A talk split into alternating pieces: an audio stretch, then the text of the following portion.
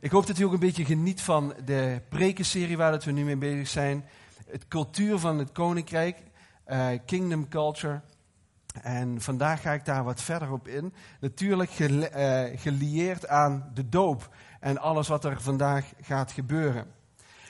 Jullie zagen net in dat filmpje Jezus al een paar keer voorbij komen. En we hebben allemaal beelden over Jezus, hoe dat hij in ons hoofd zou zitten. Of ja, hoe zou hij eruit zien? Hoe zou hij het gedaan hebben? Wat, hoe zou hij nou in het echt zijn als je echt met hem zou kunnen praten? En dit soort films helpen ons een beetje om um, dat beeld wat te bevestigen. Of te zien van hoe dat hij handelde en hoe dat hij deed. En toen Jezus begon aan zijn bediening, heeft eerst 30 jaar is hij gewoon opgegroeid in Nazareth, maar na 30 jaar begon hij zijn bediening. En dan begon hij te vertellen over wat er allemaal ging gebeuren. En hij zet dan meteen de toon. En dan mag je de eerste dia laten zien, want daar staat in Matthäus 4, vers 17 het volgende. Vanaf dat moment begon Jezus zijn verkondiging. En hij zegt daar, kom tot inkeer, want het koninkrijk van de hemel is nabij. Twee aspecten. Kom tot inkeer, want het koninkrijk van de hemel is nabij. En eigenlijk wat vandaag gebeurt, waar dat we allemaal getuigen van zijn, de stap van de doop, dat is eigenlijk dat moment waarin dat Jezus tot jou zegt, tot mij zegt, wil jij tot inkeer komen? Wil jij een nieuw begin beginnen? Wil jij je oude leven achter je laten en een nieuw leven met mij beginnen? Dat betekent niet dat je je omgeving voorbij zegt, maar je, je geeft aan, ik wil echt een nieuw leven met Hem beginnen. Ik wil mijn zonde achter mij laten. Ik wil de dingen die mij hebben belemmerd om een leven met Hem te beginnen, wil ik achter me laten en ik wil Hem achterna. En nog niet zo heel lang geleden hebben we ook een doopdienst gehad. En ik zie verschillende mensen. Ik zie Tessa zitten. En, uh, ja, en, en, en ja, verschillende mensen zie ik hier zitten. Um, Komt het allemaal weer een beetje op boven als je nu deze dienst, haal je dat dan weer terug? Gaat dat zo voor jullie? Ik heb dat wel. Dan denk ik terug aan mijn eigen doopdienst. En ik heb daar een foto van, maar die laat ik jullie niet zien. nee, nee, nee, dat is voor iedereen beter. Um, maar ik denk zelf terug aan het moment dat ik zelf die stap maakte. Dat ik zei, Heer Jezus, ik wil u volgen, ik wil u na. En er is een soort um, ik, ik zou maar zeggen, een onverzettelijkheid in je hart gekomen. Dit wil ik. Dit wil ik. Hier wil ik achteraan gaan. En daarom is het zo moedig wat jullie vandaag doen. En het tweede aspect gaat met name ook over de cultuur van het koninkrijk. Want de Heer Jezus die zegt hier, ik wil eigenlijk dat de cultuur van de hemel hier op aarde gaat neerdalen. En net ging dat prachtige lied, dat ging daar al over. De cultuur van de hemel wil ik hier zien, wil ik hier meemaken. En cultuur is een soort klimaat, een soort atmosfeer waar dat je je in bevindt. Er zijn wetten en er zijn regels, er zijn normen en waarden, ongeschreven regels. En ook wij hier in Nederland hebben een bepaalde cultuur. Je zou ook zelfs de Limburgse cultuur kunnen omschrijven. Die wordt getypeerd als Bourgondisch. Hou ik wel van. Het geeft, geeft altijd het recht om te zeggen, ja, het mag wat Bourgondischer. Maar wat betekent het nou als we het over kingdom culture hebben, als we het over het cultuur van het koninkrijk van God hebben? Is dat dan iets anders? Wat komt er dan in jou op? Misschien is het goed om eerst te definiëren wat het cultuur van de hemel niet is. Gaan we daarna beginnen aan wat het wel is. Wat is de cultuur van het koninkrijk niet? Het is geen geografische cultuur. Dat wil zeggen, er is een Nederlandse cultuur, er is een Europese cultuur, er is een Amerikaanse cultuur of een Peruaanse cultuur, vul het allemaal maar in. Maar die zijn geografisch georiënteerd. Maar het koninkrijk van de hemel is niet geografisch. De cultuur van het koninkrijk is ook niet religieus. Dat wil zeggen, het hangt niet vast aan de protestantse kerk. Het hangt niet vast aan deze kerk. Het hangt niet vast aan de katholieke kerk. Het gaat verder dan een religieuze cultuur. Het is ook geen cultuur die door mensen is gemaakt. Door mensen is bedacht. Door mensen is uitgevonden. Het is in die zin geen cultuur van mijzelf. Je kunt zelfs zeggen, het is niet ontdekt, het is niet bedacht, het is niet verzonnen, maar het is gecreëerd. Dus als we weten dat een cultuur niet geografisch is bedoeld, niet religieus is bedoeld, het hangt niet vast aan een bepaalde cultuur door mensen gevormd, dan is het de cultuur die van het koninkrijk komt. En dan is het belangrijk om te kijken, wat is die cultuur dan wel? Jezus die zet eigenlijk meteen de toon van zijn bediening. Laat die vorige tekst nog maar eens even zien. Kom tot inkeer, want het koninkrijk van de hemel is nabijgekomen. En Jelle, nu heb ik even jouw hulp nodig. Goed zo. Vroeger kreeg ik les in een praktijklokaal, in een elektropraktijklokaal. En als je dan een opstelling had gemaakt, eh, dan moest op een gegeven moment de spanning erop gezet worden. En u kunt zich voorstellen, als leerlingen van 15, 16 jaar ergens de spanning op gaan zetten, dat er dan eens wel eens wat dingen mis kunnen gaan. En dan waren er in het lokaal dit soort knoppen. En als dat dan gebeurde, dan rende de docent naar die paal toe en dan gaf hij een enorme klap erop. En wat gebeurde er dan? Dan ging de spanning er vanaf. Dan wist je dat het in ieder geval veilig was, dat het goed was. En ik heb deze knop eh, genomen. Ik wilde eigenlijk een rode knop hebben. Want dat valt lekker op. Maar eigenlijk is dat hetgene wat Jezus hier met deze tekst bedoelt. Hij zegt, jullie zijn opgegroeid in een cultuur die werd overheerst door de Romeinse cultuur. Er waren daar de gebruiken, er waren daar de gewoontes, er waren daar de leefregels, er was van alles en nog wat. Maar Jezus die zegt eigenlijk, ik ga een map op de knop geven. Die knoppen hadden ze denk ik niet in die tijd. Maar als die er zou zijn, dan zou het deze zijn. Hij zegt, ik geef een map op die, op die knop en ik reset alles. Ik reset alles. Alles wat je weet van een koninkrijk, alles wat je weet van cultuur, alles wat je weet van waarden en normen, alles wat je denkt dat goed en, en alles, ik ga het resetten. Ik ga iets nieuws geven. Ik ga een nieuwe cultuur in jullie midden bouwen. En dat is de cultuur van het koninkrijk. En als je straks luistert naar de rest van deze preek, dan wil ik je eigenlijk vragen om dat beeld van die knop vast te houden. Want elke keer komen er dingen in ons mens zijn op, dan denk je, ja, ik weet niet of het allemaal zo is. Of ja, misschien moet ik het toch maar anders zien. Voor ons is het belangrijk om elke keer opnieuw te beseffen, ik moet even mijn gedachten resetten. Wat is de cultuur van de hemel? Wat is het cultuur van het koninkrijk? Wat is het verschil met datgene wat ik altijd weet, altijd heb gedaan? Ik zet hem hier neer. Vergeet hem niet. Kijk ernaar. Dat is de knop waar dat je op moet drukken. En Jacob Jan die vertelde in de eerste preek, uh, had hij het over een hele mooie tekst. Hij had het erover, wie mag de koning van jouw hart zijn? Kan je dat nog herinneren? Dat was de, was de eerste preek. Wie mag de koning van jouw hart zijn? En daar zegt Jezus op een gegeven moment in Lucas, even kijken, moet ik het wel goed zeggen. Ik moet uh, Jacob Jan wel, wel goed quoten. Ik denk dat ik hem niet heb opgeschreven, maar, oh jawel. Lucas 13, vers 20 en vers 21. Daar staat, en toen hem door de fariseeën gevraagd werd, wanneer zou het koninkrijk van God komen? Wanneer breekt dat dan aan? Wanneer is het er dan?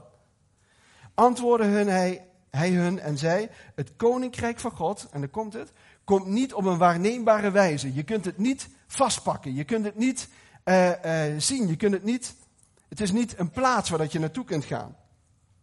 Hij zei, nee, het koninkrijk van God is binnenin u. Binnenste buiten. God heeft je van binnen veranderd en er komt iets nieuws zichtbaar. Wie is de koning van je hart? Dat is die eerste oproep. En die tweede oproep gaat eigenlijk over de woorden die Arjan uitsprak. Weten van welke belofte dat je gezegend bent. Dat je mag weten dat um, zijn beloften ja en amen zijn. Dat wat hij zegt ook waar is in deze politieke tijd, waar veel verschuivingen zijn, daar doen politici allerlei beloften. En eigenlijk zeggen ze, mijn belofte is ja en amen. En wij als mensen doen ook voortdurend beloften. En we zeggen, ja dat is zo, dat gaan we doen. Dat... En dan op de een of andere manier lukt het niet. Maar de beloften van God, die zijn ja en amen. Die zijn altijd waar. Resetknopje. Want ons is altijd geleerd, ja, onze beloftes worden geschaad. Die worden gebroken, die worden... Als ik om me heen kijk, dan zijn er zoveel mensen die mijn beloftes niet... Of die hebben dingen beloofd en komen ze niet na. Jezus zegt, mijn beloftes zijn ja en amen. moet ik de resetknop indrukken. Dat tweede deel is dat de cultuur van de hemel, dat is geen cultuur die hier is, de cultuur van de hemel moet zichtbaar worden om ons heen. En dan krijgt de cultuur krijgt verschillende kenmerken. wordt het zichtbaar. In Matthäus 13, vers 10, daar staat een heel mooi gedeelte. Jezus die vertelt daar een gelijkenis over een zaaier. En dat de opbrengst van het zaad eh, verschillende vormen kan aannemen. dat het 30, 50 en 100voudig vrucht kan dragen. En dan vragen de discipelen aan de Heer Jezus: Waarom spreekt u toch in die gelijkenissen? Waarom gebruikt u elke keer voorbeelden om iets uit te leggen? Waarom gebruikt u dingen om ons dingen duidelijk te maken? Waarom vertelt u verhalen uit het dagelijks leven om dingen zichtbaar te maken? Ze hadden geleerd om vanuit de boeken te leren. Ze hadden geleerd vanuit geschriften te leren. Maar Jezus vertelde vanuit gebeurtenissen. Hij drukte de resetknop in. En dan zegt hij in Matthäus 13, vers 10, als je je, Bijbel bij hebt, moet je het zeker opzoeken. Hij antwoordde, jullie mogen de geheimen van het koninkrijk leren kennen. Hun is dat nog niet gegeven. Dat is wat. Dus die leerlingen die zijn daar, die fariseërs en die schriftgeleerden die nog niet in Jezus geloven, die stellen allerlei vragen en hij begint gelijkenissen uit te, uit te leggen. En dan zegt hij tegen deze leerlingen, hij zegt tegen u en tegen mij, ik heb deze gelijkenissen heb ik aan jullie gegeven. Die wil ik aan jullie toevertrouwen, zodat jullie de geheimen van het koninkrijk mogen leren kennen. Ik dacht, dat is geweldig. Aan de ene kant zegt, zegt God, als mijn beloftes ja en amen zijn, als um, dat koninkrijk van God niet een geografische plaats is, geen religieuze plaats is, maar het is een plaats in mijn binnenste. Het is datgene wat ik ga zien, wat ik ga uitdragen, wat ik laat zien. En als Jezus daarnaast ook nog zegt: Hé, hey, maar ik heb een geheim voor jullie. En dat wil ik je ontvouwen. En het is alleen voor jullie bedoeld. Jullie mogen dat geheim van het koninkrijk gaan ontvouwen. Ziet u ineens wat voor, wat voor wereld er voor jou open gaat liggen? God legt zijn koninkrijk binnenin jou en vervolgens verwacht, verlangt en wilt hij graag van jou zien dat het koninkrijk zichtbaar wordt. Sommigen kijken me aan, is dat echt zo? Ja, dat is echt zo. Hij wil het door jou doen. Hij wil het door jou zichtbaar maken. Anders was het koninkrijk een plaats geweest waar dat je naartoe kon gaan. Maar het koninkrijk is geen plaats waar dat je naartoe kan gaan. Het zit hier allemaal in jullie. En hij wil dat laten zien, hij wil dat uitdragen.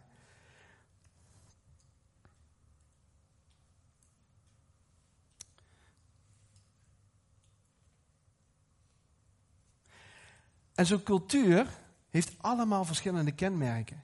Cultuur, als je de Limburgse cultuur zou omschrijven, dan heeft dat bepaalde kenmerken. Maar zo heeft het Koninkrijk van God ook bepaalde kenmerken. En Maarten die vertelde gisteren over, of vorige week over een cultuur van eren. Eer toekennen aan iets wat gegeven is.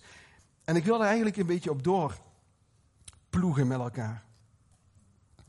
En ik was op zoek naar een naar een tekst die dat heel goed zou kunnen verwoorden. Als Jezus een nieuwe standaard geeft, als hij een nieuwe klap op die knop geeft, hij gaat het resetten in jouw gedachten. Dan ga je ook kijken van welke cultuurkenmerken zitten daarin, welke dingen wilt hij laten zien. En ik ben een tekst tegengekomen en velen van jullie kennen deze tekst wel, Jezaja 60 vers 1. Sta op en schitter, je licht is gekomen. Over jou schijnt de luister van de Heer. Modern vertaald zou je kunnen zeggen: sta op en val op. Sta op en val op. Sta op en val op in je morele leven, in je sociale leven, in je geloofsleven, in je werkleven, in je gezinsleven. In alle gebieden sta op en val op. Weet u, ik geloof dat God je niet een leven heeft gegeven om een dof en ongeïnspireerd leven te leven. Het leven met Hem is bedoeld om te schitteren en te stralen. Nou, nou, nou, nou, nou, nou. Schitteren en stralen. Zullen we hem even indrukken? God heeft jou bedoeld om te schitteren en te stralen. En ik heb het genoemd een cultuur van trots. God heeft gewild dat er een cultuur om jou heen kwam van trots. Nou, trots, trots, trots. Zullen we weer even induwen? Ik heb een plaatje van een pauw genomen. Als die pauw zich wil laten zien, wat doet hij dan? Dan komen die veren, goed zo Jelle, komen al die veren die komen omhoog. En je kent het spreekwoord, je kent het gezegde, zo trots als een pauw. Doet die pauw iets extra's, ehm, krijgt hij ineens supersonische kracht, doordat hij zijn veren omhoog doet. Hij is gewoon wie hij is. In hoe dat hij geschapen is, hoe dat hij bedoeld is, hoe dat hij gezien wordt. En datzelfde geldt precies voor jou. Sta op en val op. Sta op en schitter. Over jou is het licht gekomen.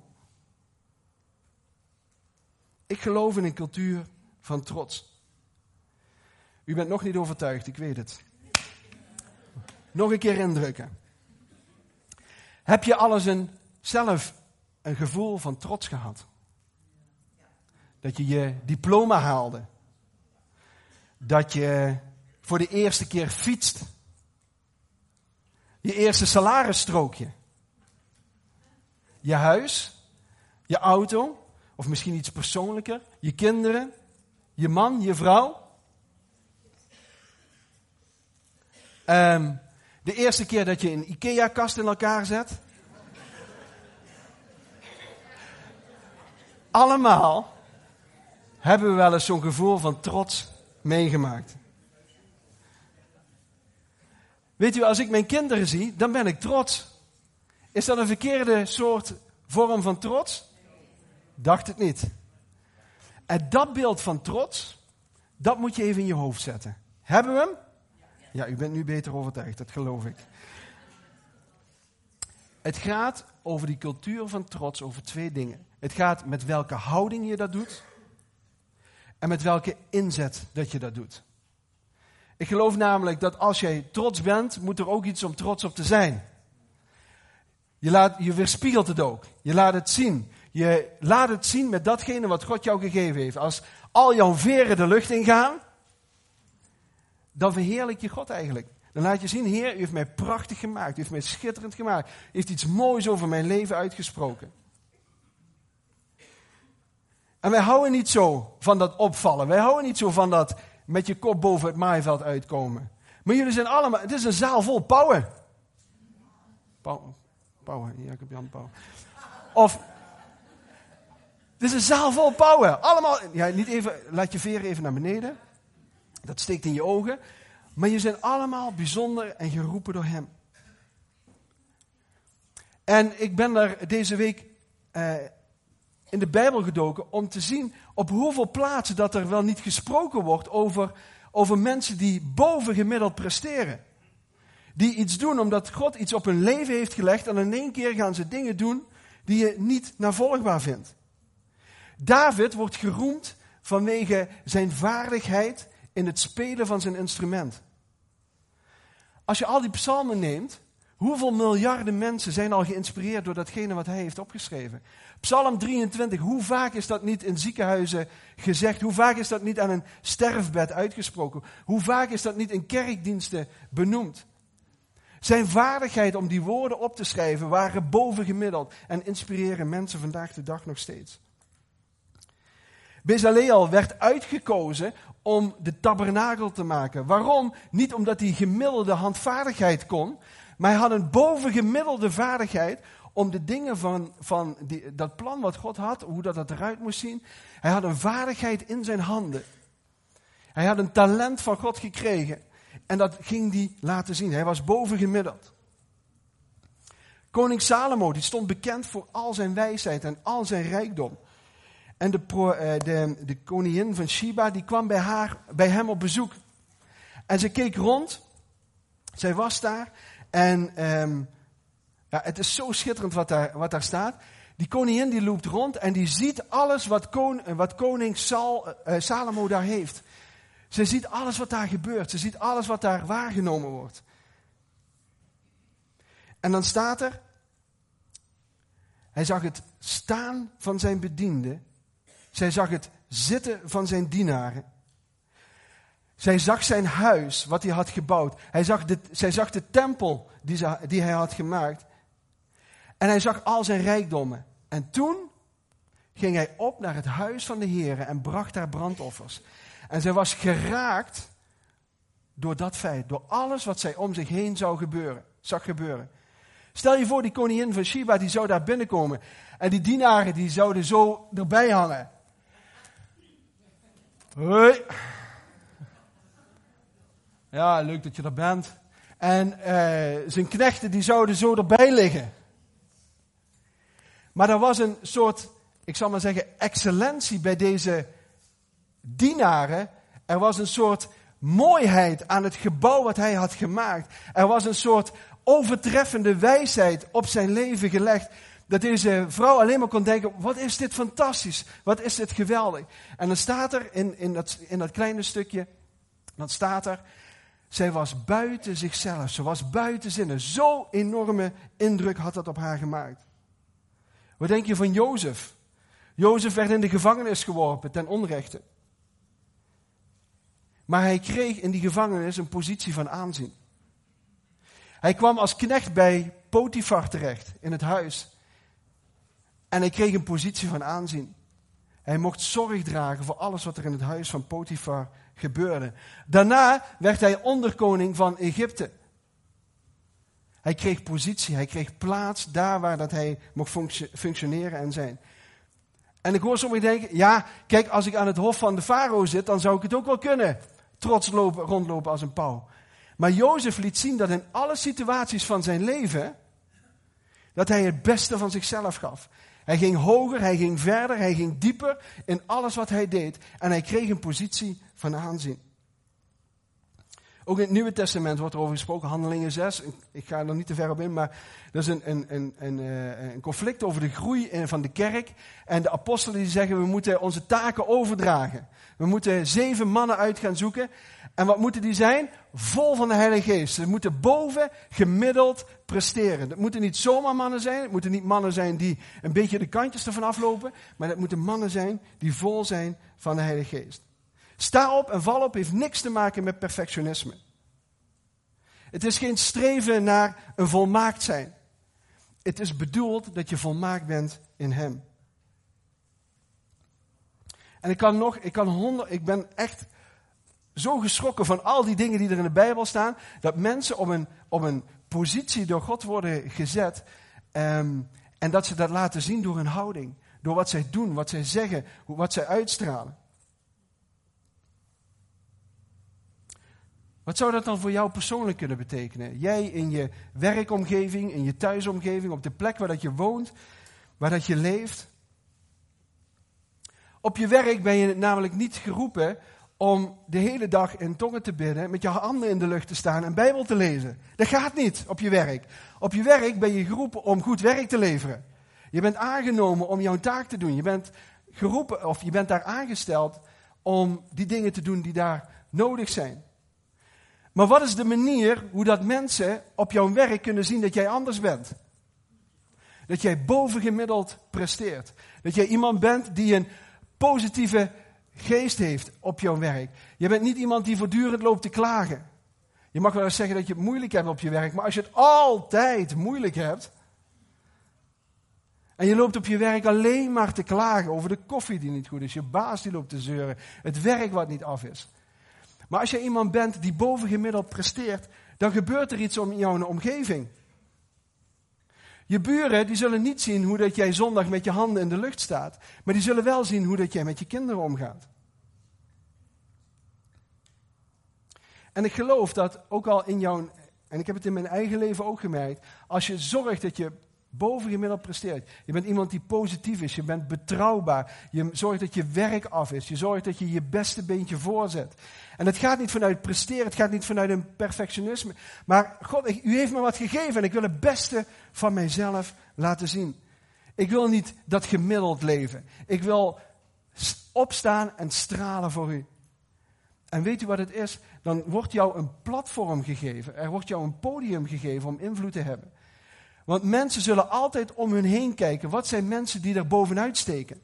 Wat zijn mensen die anders zijn dan anderen? Welke mensen zijn betrouwbaar? Welke mensen leveren hun werk goed af? Welke mensen gaan verder dan datgene wat jou gegeven is?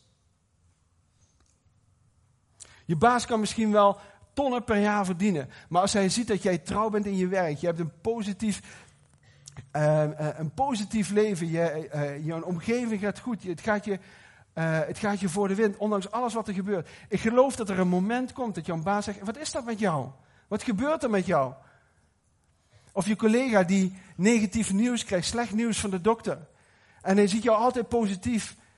En ondanks alles wat er gebeurt, je spreekt ja, hoop uit, je spreekt vertrouwen uit. Je bent iemand waar dat mensen graag bij willen zijn. Dat geeft je een platform om invloed te hebben in de levens van anderen. Daar ben ik zo van overtuigd. Het is wie dat jij bent in jouw omgeving, in jouw school. Hoe dat jij je gekleed gaat, hoe dat je, um, hoe dat je jezelf verzorgt. In al die dingen kun je laten zien dat je boven gemiddeld kunt presteren. Weet je, mensen zullen niet eerst de Bijbel lezen, ze zullen eerst jou lezen. Hallo! mensen zullen niet eerst de Bijbel lezen, ze zullen eerst jou lezen. In wat jij doet, wat jij zegt, wat je uitstraalt, wie je bent.